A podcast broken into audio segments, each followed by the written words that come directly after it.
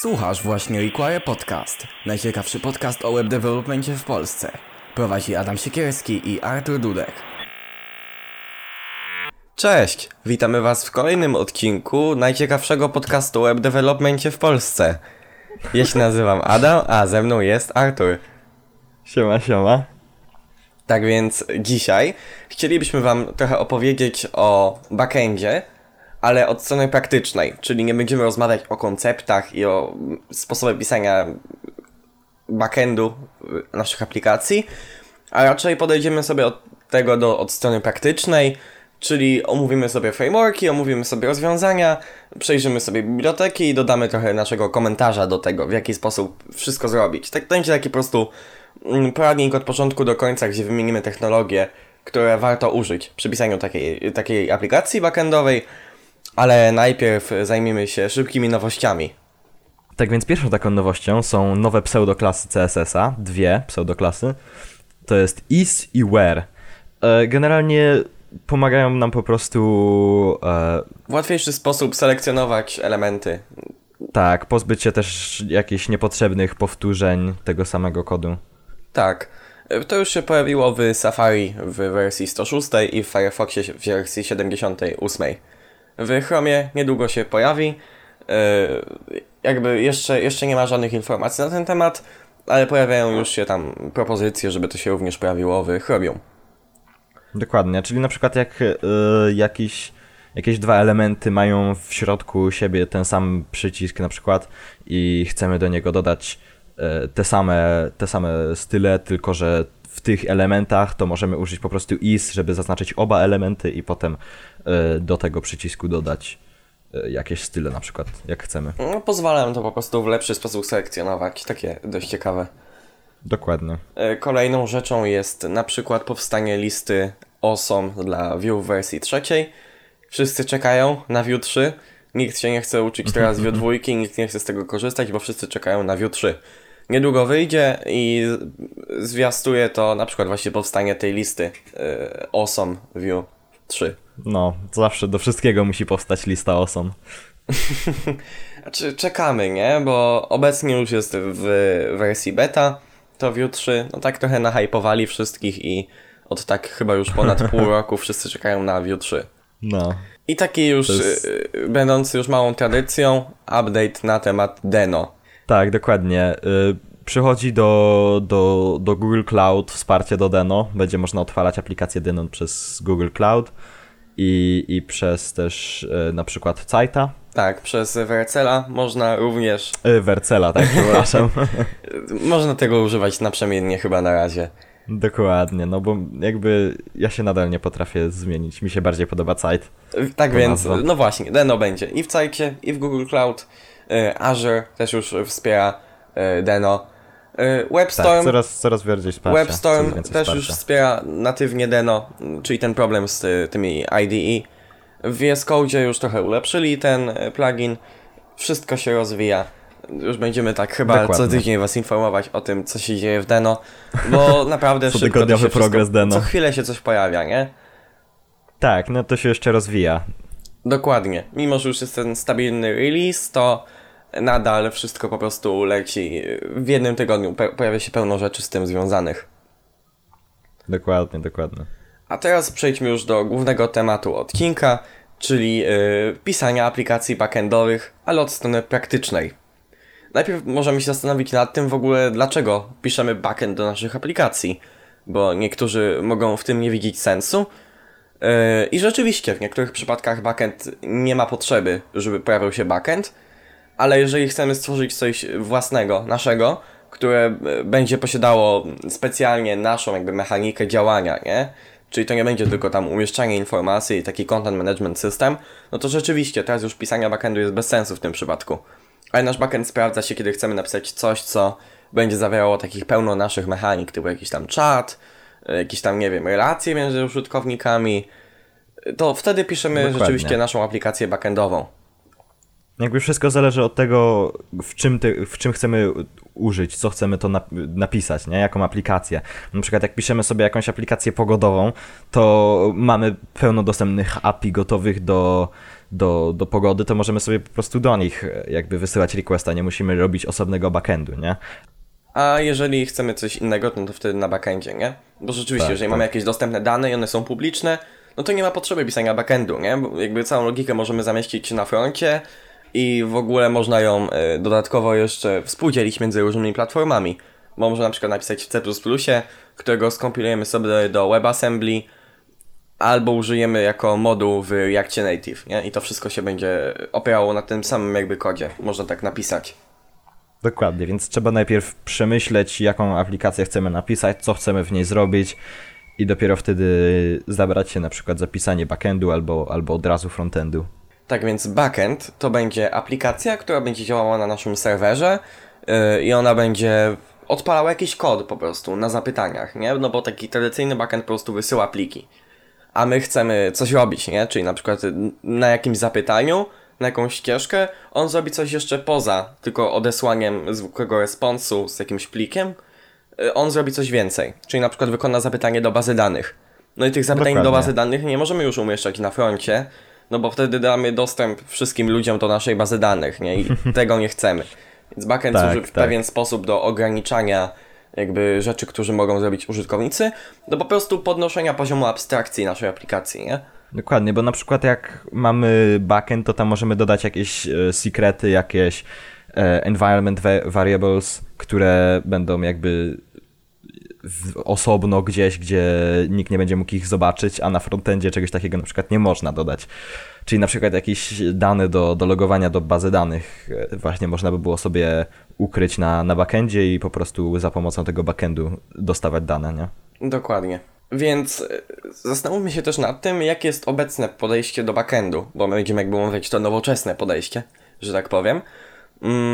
Bo kiedyś backend robiło się tak, że mieliśmy generalnie to jest podejście od PHP, że mieliśmy pliki PHP, mm, które zawierały w sobie plik, e, które zawierały w sobie kod, który się odpalał na backendzie oraz kod, który się odpalał na frontendzie i następnie jakby ten kod się odpalał, ten backendowy i on umieszczał coś w tym kodzie frontendowym, nie? I to wszystko, się, to wszystko było w jednym pliku.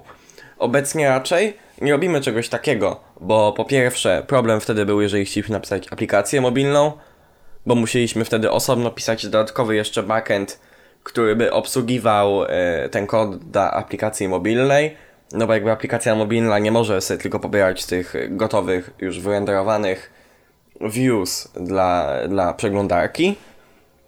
Dlatego mm, nowoczesne podejście działa tak, że tworzymy sobie aplikację, która udostępnia swego rodzaju API, która operuje na JSONach. Czyli yy, na zapytaniu on nie wysyła żadnej wyrenderowanej strony, którą możemy świetlić użytkownikowi, tylko on odsyła zapytanie po prostu z samymi danymi, które następnie umieszczamy na froncie. I tak to się robi obecnie. To się nazywa REST API ono zawiera też kilka tam dodatkowych rzeczy związanych z tym, że ono jest restowe, ale ogólnie chodzi o to, że mamy serwer, który na zapytaniu odsyła y, po prostu same dane w formie JSONa. I w tym przypadku bardzo dobrym rozwiązaniem do stworzenia takiego właśnie API jest Node.js, czyli y, właśnie JavaScript, nie? Bo my jako frontendowcy wtedy możemy łatwiej po prostu napisać sobie takie API, chociaż rzeczywiście można je również napisać w jakimkolwiek języku. No bo to jest bardzo proste, tak? Przychodzi zapytanie, serwer odpala jakiś kod i następnie odsyła zapytanie i następnie odsyła odpowiedź w formie JSONa. Dokładnie. Możemy tam pisać w dowolnym języku, ale my omówimy sobie dzisiaj to na Node. Tak, Node jest chyba taki najbardziej popularny, jeśli chodzi o, o restowe API w dzisiejszych czasach. No jeszcze jest Python z, z tym, mm, z Flaskiem. Ludzie no. zaczynają się uczyć Go, do tworzenia takich rzeczy, bo Go też jest, Go jest bardzo szybki, nie? Tak, tak. W Raście też można pisać backend. W czymkolwiek, nawet w C++ Dokładnie. można.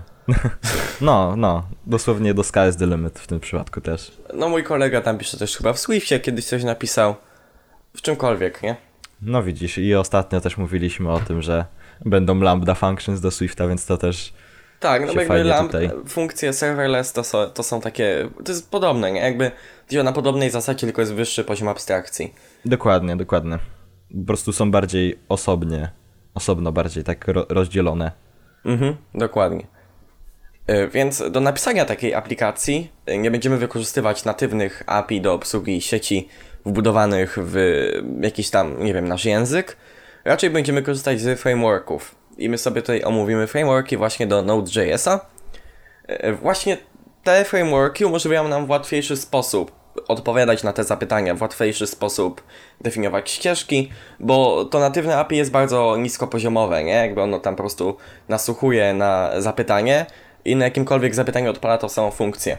Frameworki natomiast Dokładnie. będą nam w pewien sposób segregować ten kod, Bę- będą w stanie jakby y, same decydować, jaką ścieżkę kiedy wywołać, wywoływać No jeszcze może funkcje. dodawać jakąś dodatkową funkcjonalność w stylu na przykład middlewares czy, czy Tak. inne rzeczy. dodatkowe funkcje, które będą się odpalały pomiędzy requestami, jakieś tam różne pluginy, Dokładnie. cokolwiek, nie? Więc chyba najpopularniejszym frameworkiem jest Express.js. Dokładnie, taki, taki bardzo, bardzo podstawowy. Na pewno ktokolwiek, kto chciał kiedyś się nauczyć pisania jakichś API w, w JavaScriptie, na pewno się natknął na Expressa, bo jest pełno właśnie tutoriali o tym. I jest on dosyć taki prosty i, i, i szybki dosyć. Tak, on jest y, no taki po prostu najpopularniejszy, nie? To jest taki po prostu Tak, tak. pierwszy wybór, jaki ktokolwiek będzie miał, jeżeli będzie chciał napisać coś tam, wiesz. Dokładnie, większość tutoriali właśnie używa Expressa na, na przykład na YouTubie czy, czy gdzie indziej. No i nie bez powodu, nie? No bo y, on po prostu dominuje Jest rynek. dobry generalnie.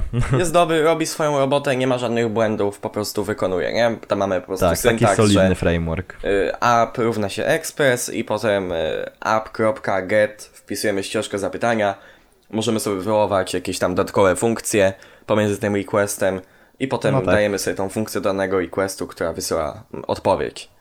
I oczywiście nie możemy proste. zapomnieć o app.listen, żeby na, on nam ten serwer odpaliło na jakimś porcie. Tak, nie? i, i potem będzie y, sobie słuchał na zapytania na danym porcie i wszystko działa. Taką alternatywą dla Expressa jest też Fastify, nie? Mhm. Bardzo, bardzo podobnie działa, wygląda bardzo podobnie, tylko troszeczkę inny syntaks ma chyba. Mm, I tam ktoś chyba mówił, że jest szybszy, ale tego nie jestem pewien. Bardzo podobny w każdym bądź razie. Tak, Też może możliwe, że ma kilka innych jeszcze takich różnic, ale, ale podobnie wygląda, też ma funkcję get, listen i takie tam. Ale chyba i tak zalecamy, chociaż w sumie można się uczyć kto czego chce, nie? Jakby przesiadka między jednym a drugim jest bardzo prosta. Dokładnie. Działa praktycznie tak samo. Tylko, że y, chyba Community Expressa jest nieco większe. No, możliwe. I to są takie podstawowe, nie? Jakby one działają na programowaniu funkcyjnym, że tak powiem. Czyli mamy po prostu tam główny serwer, będący obiektem i po prostu dodajemy mu jako funkcję kolejne odpowiedzi na poszczególne ścieżki. Fajnym natomiast rozwiązaniem jest takie coś jak Next.js, jak, przepraszam, Nest.js. Nie można się No. pomylić. Dokładnie, bo to są dwa różne frameworki też do różnych rzeczy wykorzystywane, ale mają podobieństwa trochę. E, Nest.js, właśnie. On się opiera na Expressie lub Fastify, to można sobie wybrać. E, I służy on do budowania takich pełnoprawnych aplikacji backendowych w Node, już nie aż takich lekkich, bo kod jest o wiele bardziej rozbudowany. On operuje głównie na TypeScriptie e, i mówiąc szczerze, jest naprawdę takim nastawionym na duże rzeczy, nie? Tam jakby on działa w taki sposób, jak działa Angular, czyli mamy moduły, mamy komponenty poszczególne i on bardzo stawia na cząstkowanie kodu, nie? Czyli mamy osobny kod odpowiadający za widoki, osobny kod odpowiadający za wysyłanie zapytań do bazy danych, osobną abstrakcję do tam jakichś, nie wiem, zarządzania plikami czy cokolwiek, nie?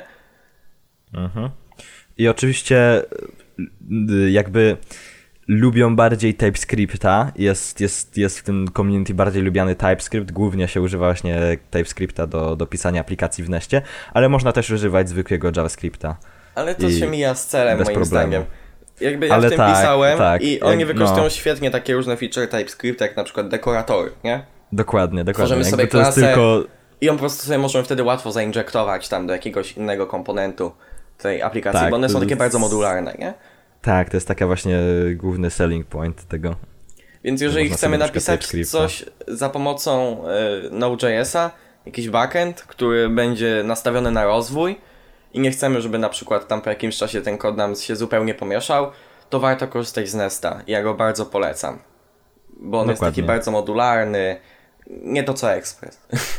Tak, i można też się przy okazji na przykład yy, skorzystać z tej okazji i nauczyć się TypeScripta też, nie?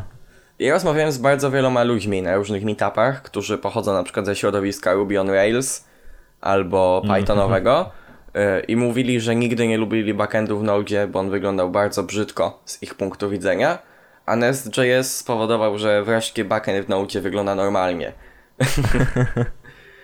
No bo niektórzy to naprawdę ciekawe. nie lubią tego syntaksu tam, y, który zapewnia Express czy Fastify.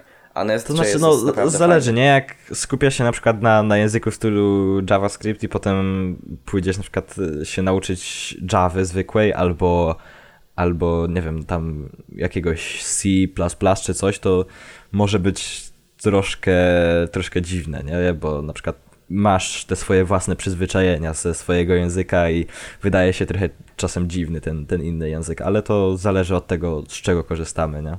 Mhm. Ale właśnie za zawsze zauważyłem, że tak oni niezbyt lubią ten backend w Node. Nie wiem czemu. No możliwe, Ale możliwe właśnie właśnie, że mają taki swój własny syntaks, który trochę Odbiega, jakby no. gryzie się z, z syntaksem w Node. Chociaż z drugiej strony masz na przykład Flaska, który wygląda bardzo podobnie do Expressa w Pythonie. Nie wiem. Tak No. mówili. Więc to są takie trzy frameworki, które są takie uniwersalne, nie? Możemy w nich pisać praktycznie cokolwiek chcemy, są rozbudowywalne, możemy dodawać tam, nie wiem, własne template engines, możemy robić za ich pomocą, nie wiem, GraphQL-owe API, API RESTowe, cokolwiek. GraphQL później. Mm, Ale są też frameworki, które są bardziej doprecyzowane, stawiają jeszcze wyżej poziom abstrakcji. Jednym z nich jest na przykład Sales.js, który jest frameworkiem do pisania aplikacji Model View Controller. No, Sales jest taki, Sales jest taki bardziej rozbudowany, nie? Ma swoje własne, swoje własne różne narzędzia i, i jest taki jakby trochę, trochę lepszy. No tak, on ma tam własny ORM y, do bazy danych, ma własny system WebSocketów. Wszystko Taki- własne, wszystko... Tak, no on jest taki, Osobne. właśnie, on jest taki bardziej zamknięty, nie? Jest taki mniej modyfikowalny. Tak, i Znam taki ludzi, bardziej rozbudowany i- i sobie go bardzo cenią. No, no. Inną rzeczą ciekawą na przykład na backendzie, chociaż nie tylko, jest na przykład Meteor, y, Meteor, który jest takim w ogóle środowiskiem do pisania full stackowych aplikacji, ale tak zupełnie, nie?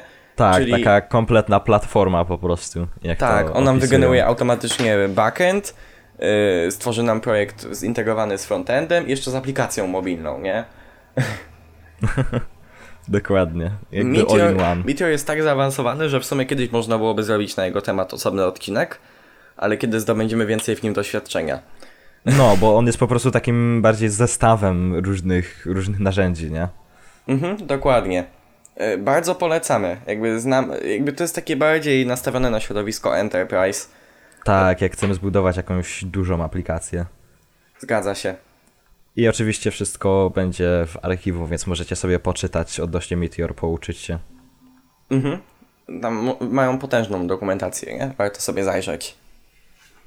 Kolejnymi rzeczami, takimi dwoma są na przykład frameworki do server-side renderingu, które dodatkowo mają integrację z tam jakimiś backendami. Na przykład Next.js albo Next.js. Next dla, dla Reacta, Next dla Vue. I polega to na tym, że piszemy sobie kod frontendowy yy, i następnie on posiada jakby tą mechanikę do server-side renderingu, nie? Ten framework. I, mo- I my możemy sobie ten framework podłączyć do aplikacji backendowej, co pozwala nam w bardzo fajny sposób przekazywać sobie dane do na przykład naszego frontendu.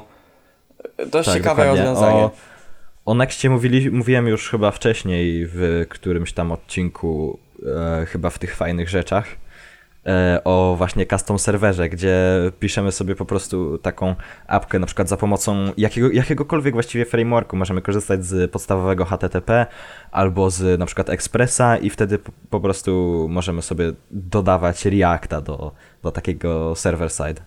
Też fajny jest właśnie Next. Ja ostatnio sobie w Nextie coś tam napisałem. No praktycznie tworzymy sobie dowolną aplikację backendową, czy to w Expressie, czy w Fastify, czy w Nestie, w czymkolwiek i ona po prostu renderuje template'y view, nie?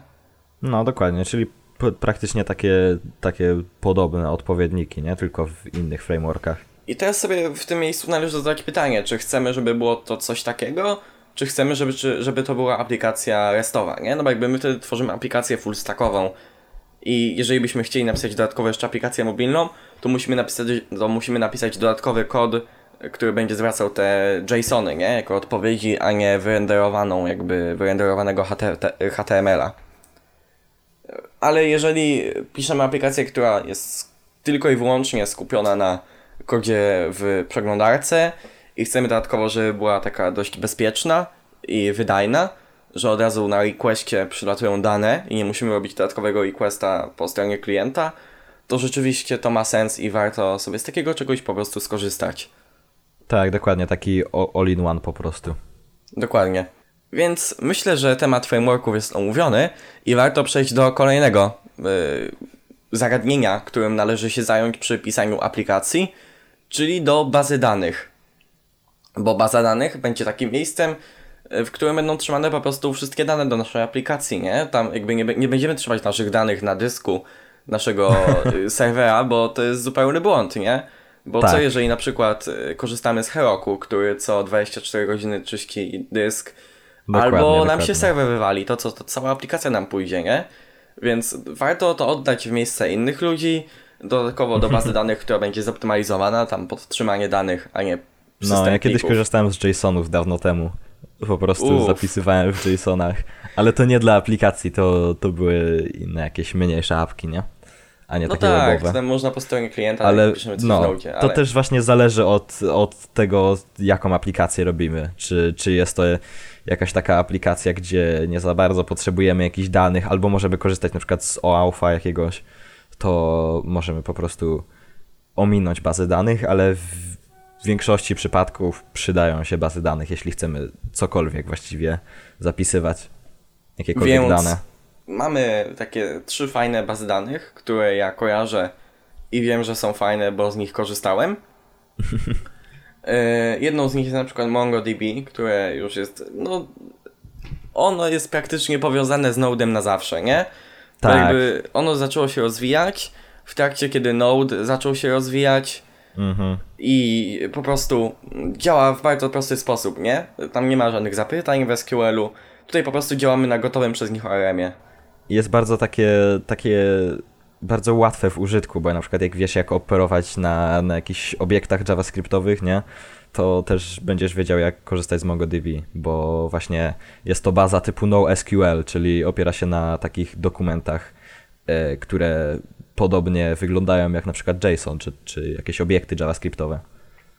Dokładnie, tak, tak, tak to działa, tam nie ma żadnego języka SQL, tutaj po prostu wszystko jest zapisane w JSONach. No bo tak, mhm. bo tak działa MongoDB, nie? Ono też działa chyba w JSONach właśnie. Jakby od środka. Tak, tak. Tak, takie dokumenty JSONowe po prostu. No i udostępniają nam darmowy hosting baz danych yy, jako MongoDB Atlas. Tam podstawową bazę danych dają nam za darmo. Dokładnie, można sobie robić ile chcesz, tylko że jest tam limit chyba y, tego, ile danych możemy zapisywać. 500 megabajtów. 500 megabajtów. No, ale to jest tak czy siak dużo, nawet jeśli robimy jakąś taką średnią apkę, nie? Innym sposobem trzymania MongoDB jest na przykład własny obraz dockerowy, co jest w ogóle świetne, po prostu udostępniam obraz dockerowy, który sobie odpalamy i wszystko działa, nie? Tak, albo można zapłacić za, za ich hosting. To też tak można. Bo też jest, e, też jest bardzo atrakcyjną ofertą, nie? Jakby w ten mhm. sposób oni się wybili, że, że po prostu dawali za darmo bazę danych do Node'a, z fajną integracją i wszyscy z tego korzystali. W sensie, e, kiedyś, to był, kiedyś to była jeszcze inna platforma, e, jakoś na M się nazywała chyba? E, wiesz co, to, to się nazywało, czekaj. A, właśnie też kurczę zapomniałem, ale była taka platforma, która właśnie za darmo udostępniała 500 MB właśnie MongoDB hostingu. I oni potem się zmerdżowali razem z MongoDB. I, I teraz to się nazywa MongoDB Atlas. A mhm. kiedyś to było kiedyś to było... E... Chwila, zaraz, zaraz znajdę to. No dobrze. MLab. To... MLab, kiedyś to się nazywało tak. MLab. Tak. I, I to było kiedyś popularne i ludzie z MLaba korzystali, żeby za darmo po prostu hostować 500, swoje darmowe 500 megabajtów Mongo. A teraz połączyli się i powstał Atlas. Dokładnie. E, no oczywiście można też korzystać z baz danych SQL-owych Fajną, fajną darmową bazą danych SQL-ową jest Heroku Postgres, czyli PostgreSQL w wydaniu od Heroku za darmo, y, też z pewnym limitem, ale fajnie to działa. No i oczywiście tradycyjny MySQL, który możemy hostować sobie sami gdziekolwiek, albo mamy darmowe hostingi SQL, które już nie są aż takie fajne, ale nadal są i można z nich korzystać. Taki fun fact, nazwa MySQL, ta część My powstała od e, imienia córki twórcy właśnie tego, tego systemu. O, No, i jest to chyba najpopularniejszy właśnie, właśnie taki system do zarządzania bazami typu SQL.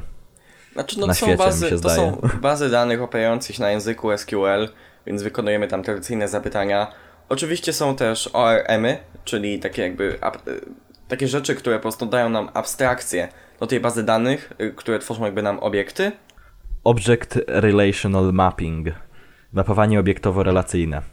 O, dokładnie. Czyli chodzi o to, że y, po prostu piszemy sobie kod, piszemy sobie gotowe modele i ORM odpowiada za wykonywanie zapytań do bazy danych, a my operujemy sobie na obiektach w danym języku tam. Y, Na przykład jest takie coś jak Prisma, nie? Do, do JavaScriptu. I on właśnie służy do i obsługi baz danych PostgreSQL i do MySQL-a. One się mało różnią pod względem działania, ale są pewne różnice i korzystają z tego samego języka zapytań, czyli SQL. Warto się nauczyć takich tradycyjnych baz danych, bo yy, no, nadal się z tego korzysta cały czas, nie? Jakby bazy Tak. danych typu MongoDB, czyli NoSQL, MongoDB jest jeszcze takim dosyć nowoczesnym rozwiązaniem, ale MySQL już jest trochę takie bardziej boomerowe y, w stylu PHP, ale nadal korzysta się z niego i jest respektowane. Nie? No nie tak, jak no pełno PHP. baz danych stoi na bazach danych typu SQL, więc tego się Dokładnie, nie da to, wyprzeć. jest to po prostu zaufany, zaufany typ baz danych i tyle. Ciekawym jeszcze taką bazą danych, która jest taką ciekawostką jak na razie, jest FaunaDB, która jest bazą danych y, operującą na y, GraphQL-u i na. Mhm. Widziałem to to, wszystko widziałem to. Bardzo ciekawe to jest. Tak, tak. Oni się reklamowali kiedyś na Twitterze, widziałem.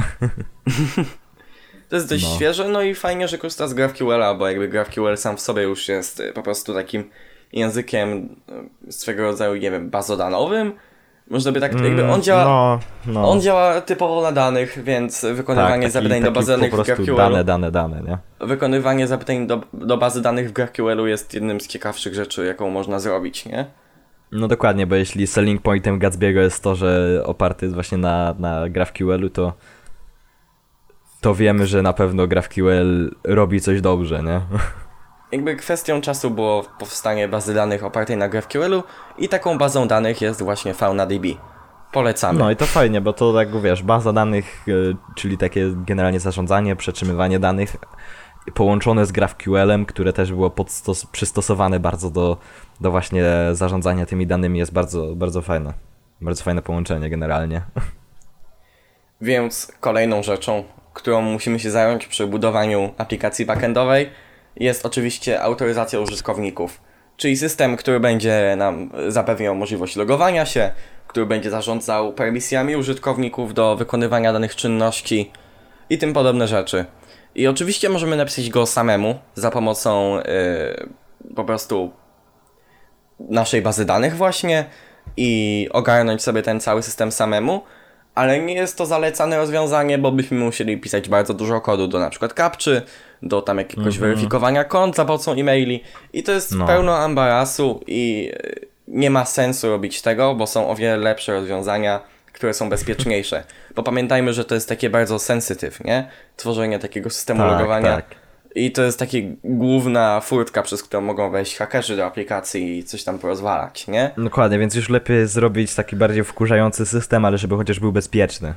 Tak, i właśnie systemu, i właśnie użyć system stworzony, który, stworzony przez kogoś innego, kto ma pewnie więcej na ten temat pojęcia, który system Mhm. jest o wiele bardziej popularny i, i po prostu użytkowany przez wiele osób. Tak, bądźmy szczerzy, są na pewno ludzie, którzy mają o wiele więcej pojęcia, jeśli chodzi o taką właśnie takie systemy użytkowników i w ogóle zabezpieczenia od nas, nie?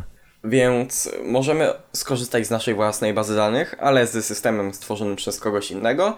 I, ten, i taką rzeczą jest na przykład y, Accounts.js, czyli biblioteka, która właśnie sama będzie zarządzała w naszej bazie danych użytkownikami, cały system logowania nam udostępni. Bardzo ciekawa biblioteka, polecamy sobie zajrzeć, bo yy, no, jak kiedyś coś tworzyłem, to nie pamiętałem o niej i nie użyłem jej i potem żałowałem, bo Accounts.js jest naprawdę fajne. Yy, ma integrację z MongoDB, ma integrację z TypeORM, czyli każdą praktycznie bazę danych możemy uży y, użyć z Accounts.js. Dodatkowo y, udostępnia RESTowe API, udostępnia API GraphQL-owe, więc y, użytkownicy mogą, będą mogli się logować w dosłownie dowolny sposób, nie? Ona sama zarządza Dokładnie. użytkownikami w naszej bazie danych.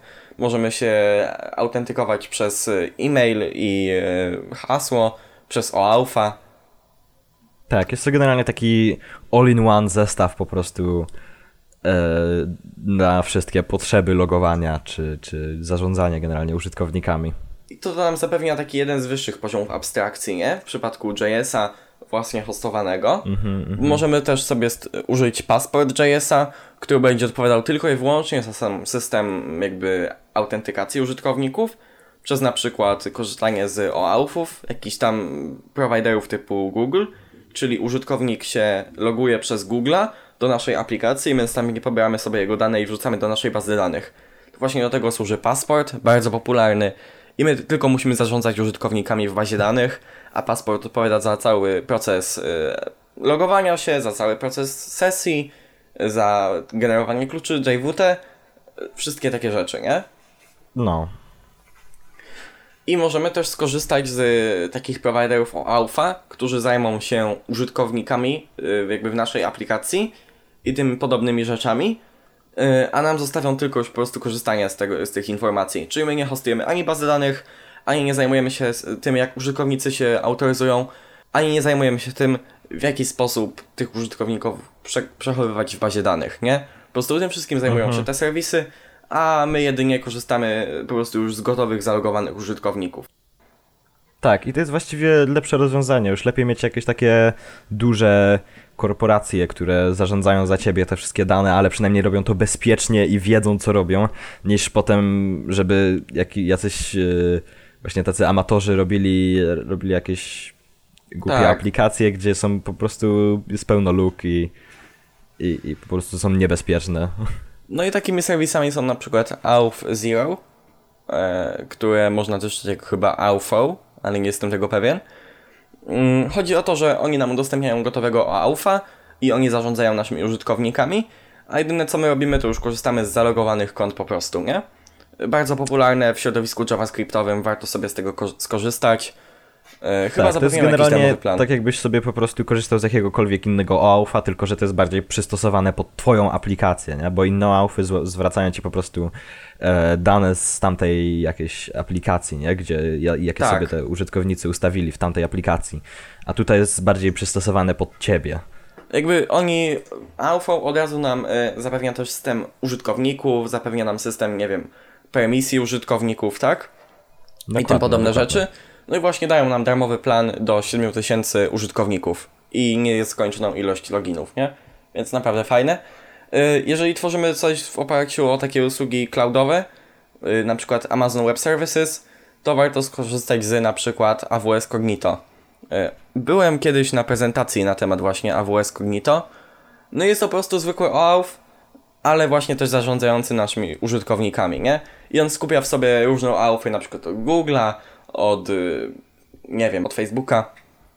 No, generalnie OAuThy są bardzo, bardzo dobrym rozwiązaniem, jeśli robimy aplikacje i są o wiele bezpieczniejsze niż, niż nasze, y, nasza własna jakby baza danych, czy nasze własne zarządzanie użytkownikami, bo jest to wszystko, bądźmy szczerzy, zarządzane przez e, korporacje, które wiedzą, co robią, nie? Te wszystkie dane, więc jest to o wiele bezpieczniejsze podejście do, do jakby użytkowników. No i warto też się zająć tym, gdzie mamy trzymać tokeny naszych aplikacji i w jaki sposób nasz backend ma identyfikować użytkownika, nie? jeżeli tworzymy własny system. Bo mamy tutaj dwa rozwiązania, sesja i klucze JSON Web Token. Warto zaznaczyć różnicę między nimi.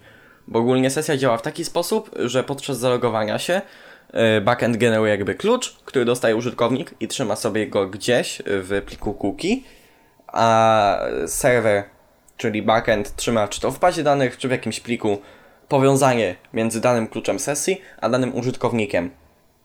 Jest to rozwiązanie, które jest ok, ale nieco przeczy zasadom restowego API yy, mhm. i wymaga sesji, i wymaga plików cookies, które nie są wspierane w niektórych tam mobilnych, yy, wiesz, aplikacjach. No, no. Więc to nie jest najlepsze rozwiązanie. I nowym rozwiązaniem są yy, klucze JSON Web Tokens, czyli tokeny yy, JSONowe. Jak to działa? To jest po prostu mm, zaenkryptowany obiekt JSONowy, który może odczytać tylko nasz serwer, bo sobie jakimś tam kluczem wygenerowanym yy, enkoduje ten klucz do po prostu takiego tokenu 256 chyba znakowego i po prostu użytkownik mhm. przy każdym requestie ten klucz wysyła. On go może sobie trzymać albo w local storage, albo nie wiem, w user defaults na, w Swiftie, gdziekolwiek i po prostu z każdym requestem wysyła ten klucz jako header i następnie serwer sobie weryfikuje, tak? Czyli on sobie otrzymuje ten klucz, yy, deenkryptuje go, on ma jeszcze podpis elektroniczny, sygnaturę, więc jeżeli cokolwiek by się zmieniło, to by nie przeszło. Po prostu ten klucz sobie odczytuje i ma w nim po prostu w, środku jego ma jakiś obiekt, który możemy tam sobie wsadzić i który będzie, który będzie identyfikował użytkownika. Bardzo Dokładnie, możemy sobie jakikolwiek, jakiekolwiek dane, jakikolwiek obiekt e, javascriptowy możemy sobie po prostu zaenkryptować za pomocą jakiegoś secretu, który też, tak jak mówiliśmy, warto właśnie sobie trzymać na backendzie w jakimś e, process e, environment variable. Tak, albo jakieś tam systemy są zarządzania secretami, nie? Tak, i potem po prostu używamy funkcji verify, żeby, żeby jakby z powrotem dostać ten, ten obiekt. Na każdym requestie możemy na przykład sobie weryfikować ten obiekt i zwracać na przykład dane użytkownika, na przykład jaką, y, jaki awatar wyświetlić, czy jaką nazwę użytkownika wyświetlić na, na stronie. Więc to jest takie fajne rozwiązanie, nie? Te klucze JSON. Tak, takie bardzo nowoczesne. Należało zaznaczyć między tym różnicę, bo niektórzy tego nie rozróżniają, nie? Mm -hmm, Natomiast właśnie sesja działa tak, że serwer sobie trzyma e, jakby chodzi o to, że JWT jest stateless, nie? Serwer niczego nie tak, trzyma tak. na temat zalogowanych użytkowników, a w przypadku sesji trzeba, bo sesja posiada jakby tylko klucz, taki identyfikator sesji, a reszta informacji jest trzymana w bazie danych, nie? Albo tam w jakimś pliku na backendzie. Co jest jakby tak, nie patrzeć gorszym rozwiązaniem. taka tymczasowa JWT już można sobie na zawsze w local storage trzymać. Bo pamiętajmy, że jakby sesja wymaga od serwera trzymania danych na temat wszystkich zalogowań, nie? Aktywnych. No, dokładnie, więc jest to takie bardzo takie bardzo, bardzo podejście w stylu serwer zwykły versus serverless, nie? Tak, no jakby JW jest po prostu lżejszy, jest stateless, wszystko fajnie działa, tak, nie? Jest, jest o wiele lepsze i prostsze w zarządzaniu. Kolejną rzeczą, którą warto się zająć przy budowaniu aplikacji są maile, czyli y, wysyłanie po prostu maili do użytkowników celem, celem powiadamiania ich, nie? co tam się dzieje w aplikacji. Niekoniecznie już się to wykorzystuje do y, autoryzowania użytkowników, bo tym się mają zająć ci właśnie prowajderzy OAuth, ale również można to w tym celu wykorzystać, nie? Tak, bo warto też sobie potwierdzać maile, jak robimy jakąś aplikację, żeby potem oryginalny właściciel maila jakiegoś nie przyszedł do nas z pretensją, że już jest zarejestrowany jego mail. Więc do wysyłania maili, najpierw warto się zająć jakby samym wysyłaniem maili i tutaj można rozróżnić dwa rodzaje usług. Pierwszą z nich jest po prostu yy, usługa, która na restowym API będzie nam wysyłała maile, czyli my wykonujemy zadanie na ich restowe API z treścią maila i oni tego maila wysyłają Taką usługą jest na przykład SendGrid, yy, który po prostu dokładnie tam nasze konto, naszej aplikacji, yy, ono ma tam jakieś swoje maile podłączone na naszą domenę i oni po prostu wysyłają maile yy, tak masowo, nie? Do tego to służy. Inną opcją jest na przykład NodeMailer, który się podłączy do, po prostu do dowolnego serwera SMTP, na przykład do naszego Gmaila. Dokładnie. Ale jeżeli zajęliśmy się już tym samym wysyłaniem maili, to warto też się zająć ich wyglądem, żeby te maile w jakiś sposób wyglądały i można do tego użyć dwóch rzeczy, albo piszemy sobie te maile w HTML-u, albo sobie je piszemy w MJML-u. MJML to jest taki język, swego rodzaju dialekt HTML-a, w którym po prostu możemy budować responsywne maile i on jest wspierany przez wiele klientów mailowych yy, i po prostu działa to responsywnie i bardzo ładnie to wszystko wygląda i warto sobie z tego korzystać. Tak, jest to też bardzo ważne, jeśli chcemy zrobić na przykład e, potwierdzanie maila przy rejestracji, bo chcemy, żeby na przykład przycisk czy link do, do potwierdzenia konta był widoczny na każdym urządzeniu, bo nie wiemy z czego ktoś się może rejestrować i, i chcemy po prostu ułatwić jak najbardziej e, to, ten proces właśnie na przykład potwierdzenia maila. Znaczy, warto z tego korzystać, bo ogólnie nigdy nie wiemy, czy nasz klient będzie wspierał e, na przykład style CSS wewnątrz maila, bo Dokładnie. wsparcie do CSS-ów jest bardzo słabe i później może się coś psuć. A MJML wyeliminuje jakby taką opcję, że to nie będzie działać. Tak. Ale możemy też na przykład maili używać, żeby jakby powiadamiać ludzi i też dlatego warto korzystać z różnych takich właśnie rzeczy w stylu MJML, żeby robić te dane jak najbardziej responsywne i jak, jak najłatwiejsze do przeczytania, bo nikomu nie chce się czytać e, specjalnie jakiegoś e, brzydkiego maila, nie? Natomiast jeżeli chcemy jakby używać naszych własnych rzeczy i wszystko napisać samemu, to możemy oczywiście korzystać z HTML-a. I żeby ułatwić sobie pracę z HTML-em razem z mailami, można używać takich dwóch rzeczy. Pierwszą z nich jest PAG, czyli język do templatowania HTML-a. Czyli tworzymy sobie plik PAG, e, który może zawierać sobie jakieś tam rzeczy, do których wrzucamy dane i potem odpalamy funkcję, która weźmie sobie ten plik PAG i podamy jej jeszcze dane i te dane się automatycznie jakby umieszczą w tym pliku. To jest po prostu template'y do HTML-a, czyli mamy ten plik PAG i on się kompiluje do HTML-a. Dość ciekawe Tak, dokładnie. rozwiązanie. To jest też często używane do robienia po prostu zwykłych stron internetowych, nie? Tak, zgadza się. I e, nie możemy w nim styli umieszczać. I ogólnie style byśmy umieszczali normalnie w CSS-ie, ale z racji na to, że maile nie posiadają wsparcia dla CSS-a, warto skorzystać z czegoś, co jakby te style CSS-owe wrzuci nam na inline styles wewnątrz tych elementów w tym template'cie już wyrenderowanym i w tym celu możemy korzystać z takiej biblioteki jak Juice, którą możemy sobie pobrać z mm, npm-a i ona będzie po prostu wrzucała nam y, style CSS z pliku CSS jako inline styles do po prostu wewnątrz HTML-a. Dokładnie, bez problemu można sobie po prostu odpalić jedną, jedną, jedną funkcję i ona zamieni nam nasz y, tag style na po prostu y, property style w, w jakimś tagu. Należy jednak na to uważać, bo należy pamiętać, że nie wszystkie klienty mailowe obsługują tak samo style CSS, y, więc Dokładnie. należy używać CSS-y tego z rozwagą, trochę- nie? Jakby nie piszmy maili, które będą jakieś super zaawansowane, bo to może się potem nie działać, nie? Tam w jakimś Tak. kliencie. Tak, najlepiej korzystać z takich najprostszych jakichś rozwiązań, jakie się da, bo CSS-y są naprawdę troszkę, troszkę niestabilne, jeśli chodzi o maile. I warto sobie też poczytać o różnych, różnych jakichś takich metodach, żeby, żeby na przykład, Tak. nie wiem, centrować sobie coś, czy, czy... Kolejną rzeczą, którą musimy się zająć budując aplikację jest oczywiście obsługa plików, czyli jeżeli mm, mamy jakieś obrazki użytkowników, jeżeli jakiś użytkownik może zauploadować jakiś plik, to musimy gdzieś się trzymać, nie? I u siebie słabo, tak jak już mówiliśmy przy bazach danych, trzymanie plików u siebie to nie jest dobry pomysł, bo musielibyśmy sami pisać system do backupu, musielibyśmy uważać, czy nam się serwer nie wyłączy na Heroku, A poza tym musielibyśmy jeszcze mieć duży, pojemny serwer, który będzie miał pełno gigabajtów. Jeśli chcemy na przykład obsługiwać jakieś obrazki, awatary, no to one na pewno będą zajmować sporo miejsca na naszym serwerze. E, Więc korzysta się z takiego czegoś jak e, CDN-y, czyli Content Delivery Networks. Mm, I ogólnie jest to bardzo popularna usługa, którą zapewnia prawie każdy taki cloud provider, jak na przykład Amazon, czyli Amazon S3. E, Po prostu oni udostępniają API, mm, przez które wrzucamy sobie pliki, nie? I Google Drive, i Google Cloud nam to udostępnia, generalnie wszyscy. One są płatne oczywiście. Można też skorzystać z Firebase'a, czyli takiego jakby darmowego CDN-a. Chociaż Firebase jest ogólnie wszystko i właśnie też, i też właśnie udostępniają CDN-a, czyli e, Cloud Storage. No, tylko że z naszego doświadczenia Firebase czasem, jak na przykład e, robiliśmy zapytanie o, o jakiś awatar użytkownika, to czasem go obracał w jakąś stronę tak, coś tam dziwnie. się psuło, ale nie wiem czy to nie był raczej mój fail przy uploadowaniu tych obrazków na Firebase'a. Ale możliwe, że tak. Czasami- No, generalnie trzeba być, trzeba być uważnym. Dokładnie. Yy, ale oprócz korzystania z takich CDN-ów, jeżeli trzymamy tylko obrazki, warto skorzystać z usługi, która jest przeznaczona typowo pod obrazki, która będzie nam dodatkowo te obrazki, nie wiem, optymalizowała, która będzie te obrazki dodatkowo, nie wiem, tam no przerabiała, kompresowała, cokolwiek.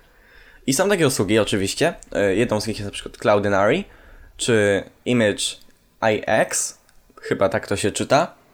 One po prostu są CDN-ami, ale jest dodatkowo obsługą y, optymalizowania tych obrazków.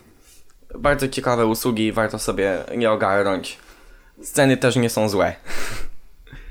Tak, generalnie można sobie tutaj nawet na ich e, stronie głównej chwalą się tym, że można bez problemu sobie jakoś e, kropować czy przybliżać obrazki, czy, czy jakoś. E, czy na, czy na przykład na zapytaniu można sobie kropować do, do jakiegoś określonego width albo height. Ciekawe rozwiązanie. No one są jakby zoptymalizowane pod obrazki. E, jeżeli jesteśmy natomiast biedni i nie stać nas na własny CDN jakichś obrazków, to do awatarów można uży używać takiego czegoś jak grawatar. Można się po prostu z o, nim to jest właśnie bardzo... To jest taki serwis do po prostu obrazków, e, do awatarów na każdą stronę, nie? No, też taki bardzo aufowy. Takie jakby wszystko wtedy odchodzi od nas, nie? My tylko po prostu sobie wy wykonujemy zawitanie na dany obrazek. My Dokładnie, takie bardzo aufowe rozwiązanie. Dokładnie. Ale jeżeli jesteśmy biedni i nie stać nas na hostowanie obrazków czy na jakiś CDN, to możemy na przykład zrobić stronę, która zarabia sama na siebie. Ale jeżeli chcemy zrobić stronę, która zarabia, to musimy mieć oczywiście jakiś system, który będzie handlował wszystkie te nasze pieniążki, czy, czy płatności, czy jakieś produkty. I do tego mm, mamy pełno różnych takich właśnie systemów w stylu PayPal, Stripe, czy są też takie polskie, jak przelewy na przykład 24 albo PayU. PayU. Chociaż one są trochę gorsze, jakby ogólnie rzecz biorąc, tworząc stronę, która ma obsługiwać płatności, jesteśmy zmuszeni skorzystać z zewnętrznego serwisu, bo samemu Dokładnie. tego się nie da po prostu zrobić. Musielibyśmy, nie wiem, łazić do banków i podpisywać z nimi umowy, nie? Dokładnie, jest to po prostu niemożliwe praktycznie. Trudne jest bardzo generalnie. Więc korzysta się właśnie z zewnętrznych serwisów.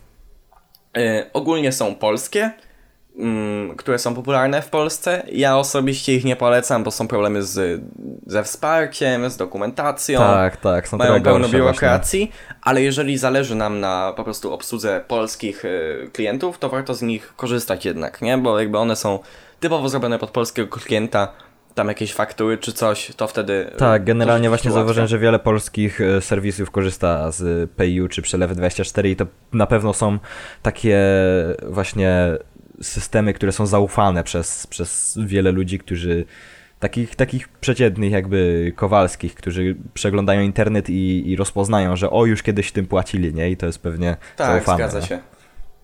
Ale y, są też takie serwisy y, bardziej lubiane przez nas, czyli przez y, ludzi, którzy są tacy bardziej y, w taką otwartość jakby w sieci, w taką jakby nowocześniejszą mhm. budowę stron. Mm, na przykład jest PayPal, y, który został w ogóle założony przez Ilona Maska. Taki fun fact. tak, dokładnie. Tak, generalnie... Oferuje bardzo general... innowacyjny system płatności, nie? Tak, generalnie można tam sobie tworzyć takie jakby e, invoices i, i pobierać za pomocą tego. Ma, udostępniają generalnie API do, do invoiceowania ludzi, czyli można po prostu stworzyć invoice i pobierać z, to, z, z tego invoice'a pieniążki, nie? do jakby budowania bardziej zaawansowanych systemów płatności wymagają konta biznesowego. Tak, ale dokładnie. jeżeli chcemy sobie zrobić prostą płatność, yy, tam jakiejś donacji czy coś, no to możemy po prostu na zwykłym koncie PayPalowym, co jest w ogóle świetne. Tak, bo na przykład jeśli obsługujemy też, mamy dużo transakcji na koncie, co chwilę wchodzi jakaś transakcja albo e, chcemy zarządzać dużą ilością pieniążków, to warto sobie e, właśnie założyć takie konto biznesowe, żeby nie było żadnych problemów, bo oni czasem mogą się przyczepić, nie, że u, co tu się dzieje. Ale tak generalnie ułatwiają bardzo. Ale i tak zakładanie takiego konta to jest o wiele mniej biurokracji niż w przypadku Payu czy przelewy Dokładnie, 24. oczywiście. E, więc generalnie udostępniają bardzo fajne API łatwe, więc można sobie tworzyć jakiekolwiek e, integracje, które sprawdzają, czy, czy na przykład invoice został zapłacony, czy nie. I oczywiście można sobie pomyśleć, że halo, halo, konta PayPal trzeba mieć, żeby zapłacić. Oczywiście nie trzeba mieć konta PayPal. Można zapłacić jako gość y, po prostu wpisać dane karty kredytowej i, i, i wybrać opcję zapłacenia jako gość i można po prostu za pomocą karty zapłacić poprzez PayPala, więc to jest też fajne. A to jest ciekawe, naprawdę. Tak, i oni też dają y, temu, który płaci też chyba bodajże buyer protection, chociaż y, nie jestem pewien, czy to się aplikuje właśnie do, do płacenia jako gość, bo można po prostu zapłacić jako, wiesz, anonimowy gość bez konta, ale mhm. na 100% jak masz konto i płacisz za pomocą konta PayPal, to masz to buyer protection i, i bez problemu na przykład zwrócą ci pieniążki, jak ktoś cię oskamuje. A to jest ciekawe też. Innym takim serwisem jest właśnie Stripe, o którym mówiliśmy. To jest taki jakby chyba najnowocześniejszy i bardzo popularny za granicą system płatności. Podobny mhm. do polskich Tampeju czy Przelewy24, ale... Tylko, że o wiele ładniejszy. Ładniejszy, nowocześniejszy i łatwiejszy w obsłudze. Tak, i taki bardziej przystosowany pod karty kredytowe właśnie, czy jakiekolwiek karty właściwie. No i Stripe ma fajną integrację z Gatsbym. Dokładnie, mają też fajne API. Więc jeżeli chodzi o pieniążki, to to jest wszystko. Jeszcze jako ciekawostka, chociaż już aż tak nie ciekawostka, wspomnimy też o GraphQL-u, czyli e, innym jakby sposobie pobierania danych z serwera. Bo jeżeli wykonujemy jakby zapytanie na serwer, no to ono albo, to albo nam odsyła JSONa po prostu ze wszystkimi danymi, albo nam odsyła już wyrenderowany po prostu HTML i wszystko, nie? Natomiast możemy skorzystać z takiego czegoś jak GraphQL, czy jakby taki nowy język zapytań, gdzie my nie wykonujemy bezpośrednio zapytań na dany URL, a yy, po prostu podłączamy się do serwera i następnie zamiast wykonywać tradycyjne zapytania, po prostu definiujemy sobie, jakie dane chcemy otrzymać z tego serwera i on nam te dane odsyła. Takie Dokładnie. bardzo nowoczesne podejście. I w celu pisania aplikacji GraphQL-owych yy, możemy je po prostu zintegrować z normalnie z Expressem czy z czymkolwiek. No, my o GraphQL-u też trochę powiedzieliśmy przy okazji odcinka o Gatsbym, bo tam też jest wykorzystywany w Gatsbym GraphQL. Tak, zgadza się. Właśnie możemy pisać je normalnie w Node, integrować z aplikacjami Expressa, ale potrzebujemy jakąś bibliotekę, która nam jakby ten GraphQL zapewni. I są takie chyba dwie najpopularniejsze biblioteki do Node'a. Pierwszą z nich jest Apollo, a drugą jest Prisma. Apollo jest nieco prostsze, Prisma wymusza nieco jakby więcej takich... Jakby ona wymusza pewien pattern działania, Apollo nie aż tak bardzo, nie? Mhm. Więc polecamy sobie ogarnąć te dwie biblioteki. Ogarnąć tak, sobie GraphQL, wersje GraphQL jakby coraz popularniejsze się staje. GraphQL daje nam jakby bardzo fajne tam możliwości kaszowania rzeczy. Od razu definiujemy sobie model i jakie dokładnie dane chcemy otrzymać. Więc jeżeli chcemy otrzymać nazwę użytkownika, to dostajemy tylko i wyłącznie nazwę użytkownika, a nie dodatkowo jeszcze, nie wiem, jego datę urodzenia i wszystko inne, nie? Więc no. to otrzymujemy tylko to, co potrzebujemy, więc to jest szybsze. Od razu mamy zdefiniowany model danych, czyli w jaki sposób te dane wyglądają. I takie rzeczy są naprawdę świetne właśnie w GraphQL-u. Warto sobie to ogarnąć. Tak więc, przejdźmy do fajnych rzeczy, które odkryliśmy w zeszłym tygodniu. Zbyt długa nazwa, jak zwykle. Yy, niech, niech zostanie. Podoba mi się ta nazwa. Fajnie, taka trochę memowa. ja w zeszłym tygodniu yy, niekoniecznie co odkryłem, bo korzystam już od, od trochę dawniej niż jeden tydzień, ale chciałbym trochę powiedzieć o LastPassie, czyli systemie zarządzania hasłami. Y, bo zawsze korzystałem tam z wbudowanego w Safari, ale od kiedy przeniosłem się na Firefox Developer Edition, to musiałem korzystać z czegoś innego niż y, ten wbudowany Apple'owski, nie? System zarządzania hasłami, więc zacząłem korzystać z LastPassa. Jestem naprawdę, jestem naprawdę zadowolony. Polecam. No, LastPass generalnie e, ostatnio dużo się promował, nie? Sponsorował pełno filmików na YouTubie i takie tam. LastPass jest fajny bezdarmowy. E, bo na tak, przykład tak, OnePassword jest, jest płatny. A LastPass zapewnia nam synchronizację za darmo, jakby wszystkie takie rzeczy są e, za darmo, nie? Takie podstawowe rzeczy. No, bardzo, bardzo generalnie fajne, że masz takie cross-platform, że gdziekolwiek jesteś, możesz sobie po prostu tak, no mam. To na, mam to na moich wszystkich komputerach. Nie jest dla mnie problemem po prostu zalogowanie się gdzieś, nie? Więc no, polecam. i on był też zrobiony przez firmę LogMeIn, która e, nie jestem pewien, ale mi się zdaje, że była trochę shady kiedyś, ale, ale bardzo fajnie generalnie, że, że robią coś więcej, bo wiele osób na pewno zna ich za Hamachi, a Tak, tak, tak. Teraz pokazują, że, że mogą więcej robić. Więc polecam naprawdę Last Passa, jeżeli ktoś zastanawia się nad skorzystaniem z takiego systemu, to warto, bo Oczywiście niesponsorowane. Konta, tak, tak, zgadza się. Nasze konta będą bezpieczniejsze, bo będziemy mieli dla każdego konta inne hasło. Y, Te hasła będziemy mieli wszędzie, nie musimy, w, nie wiem, w zaszytach papierowych tego wszystkiego trzymać. Wszystko jest zabezpieczone kluczem LastPassa i wszystko tak działa. A ty co odkryłeś w zeszłym tygodniu? Ja w zeszłym tygodniu e, postanowiłem w końcu sobie zainstalować pewną aplikację do śledzenia paczek, bo stwierdziłem, że jak już czekam na kolejną z kolei paczkę, to dlaczego nie, dlaczego by sobie po prostu nie, nie wypróbować jakiejś aplikacji do, do śledzenia paczek, jakiegoś takiego trackera. I zainstalowałem sobie właśnie One Tracker. Jest to, jest to apka takiego wczesnego dostępu. I tak jak Adam ostatnio, e, gdzieś chyba w- pierwszym właśnie pierwszej edycji tego segmentu mówił o Parcel App, która była tylko na iOS, to One Tracker jest właśnie taką bardzo, bardzo fajnym odpowiednikiem tego Parcel App, ale na właśnie Androida. E, Jest generalnie bardzo nowoczesny, ma bardzo fajny wygląd i zapewnia praktycznie tą samą funkcjonalność co, co, co reszta, ale ma jeszcze na przykład dodatkową fajną rzecz, że możemy prze, jakby przesłać dalej maila, z swo- którego dostaliśmy ze swoim jakby ID, e, shipping ID, na ich jakiegoś tam maila i wtedy on od razu to doda nam do naszego konta, do aplikacji. O, tak jakby automatyzacja. Fajne. Tak, i to jest bardzo generalnie fajne. Z tego nie korzystałem jeszcze, ale już sobie dodałem paczuszkę do, do śledzenia i, i generalnie fa- fajnie wygląda, fajnie działa i, i też polecam. Więc e, to już powoli koniec dzisiejszego odcinka. E, dziękujemy za słuchanie. Jeżeli doszliście do tego momentu, polecamy, nie wiem, udostępnić znajomym. E, polecamy zalajkować tam na YouTubie, zasubskrybować, cokolwiek. Dokładnie, na YouTube'a zapraszamy. Zapraszamy do naszego archiwum, zapraszamy na nasz serwer Discordowy, jeżeli chcecie z nami porozmawiać. Albo coś Natomiast zaproponować. albo coś zaproponować. Dokładnie, możecie też pisać maila. Wszystkie linki są na pewno gdzieś na profilach, czy w opisach, czy, czy na naszej stronie. Zapraszamy na naszego Instagrama, Instagrama, gdzie tam jakieś y, nowości, nie wiem. Czasami coś rzucamy zawsze na są- story. Tak, na Insta zawsze na story są przed i po y, o, odcinku. Po odcinku i przed nagraniem odcinka jeszcze zawsze są Jakieś informacje dodatkowe, więc tam można się czegoś dowiedzieć od sneak nas. peek.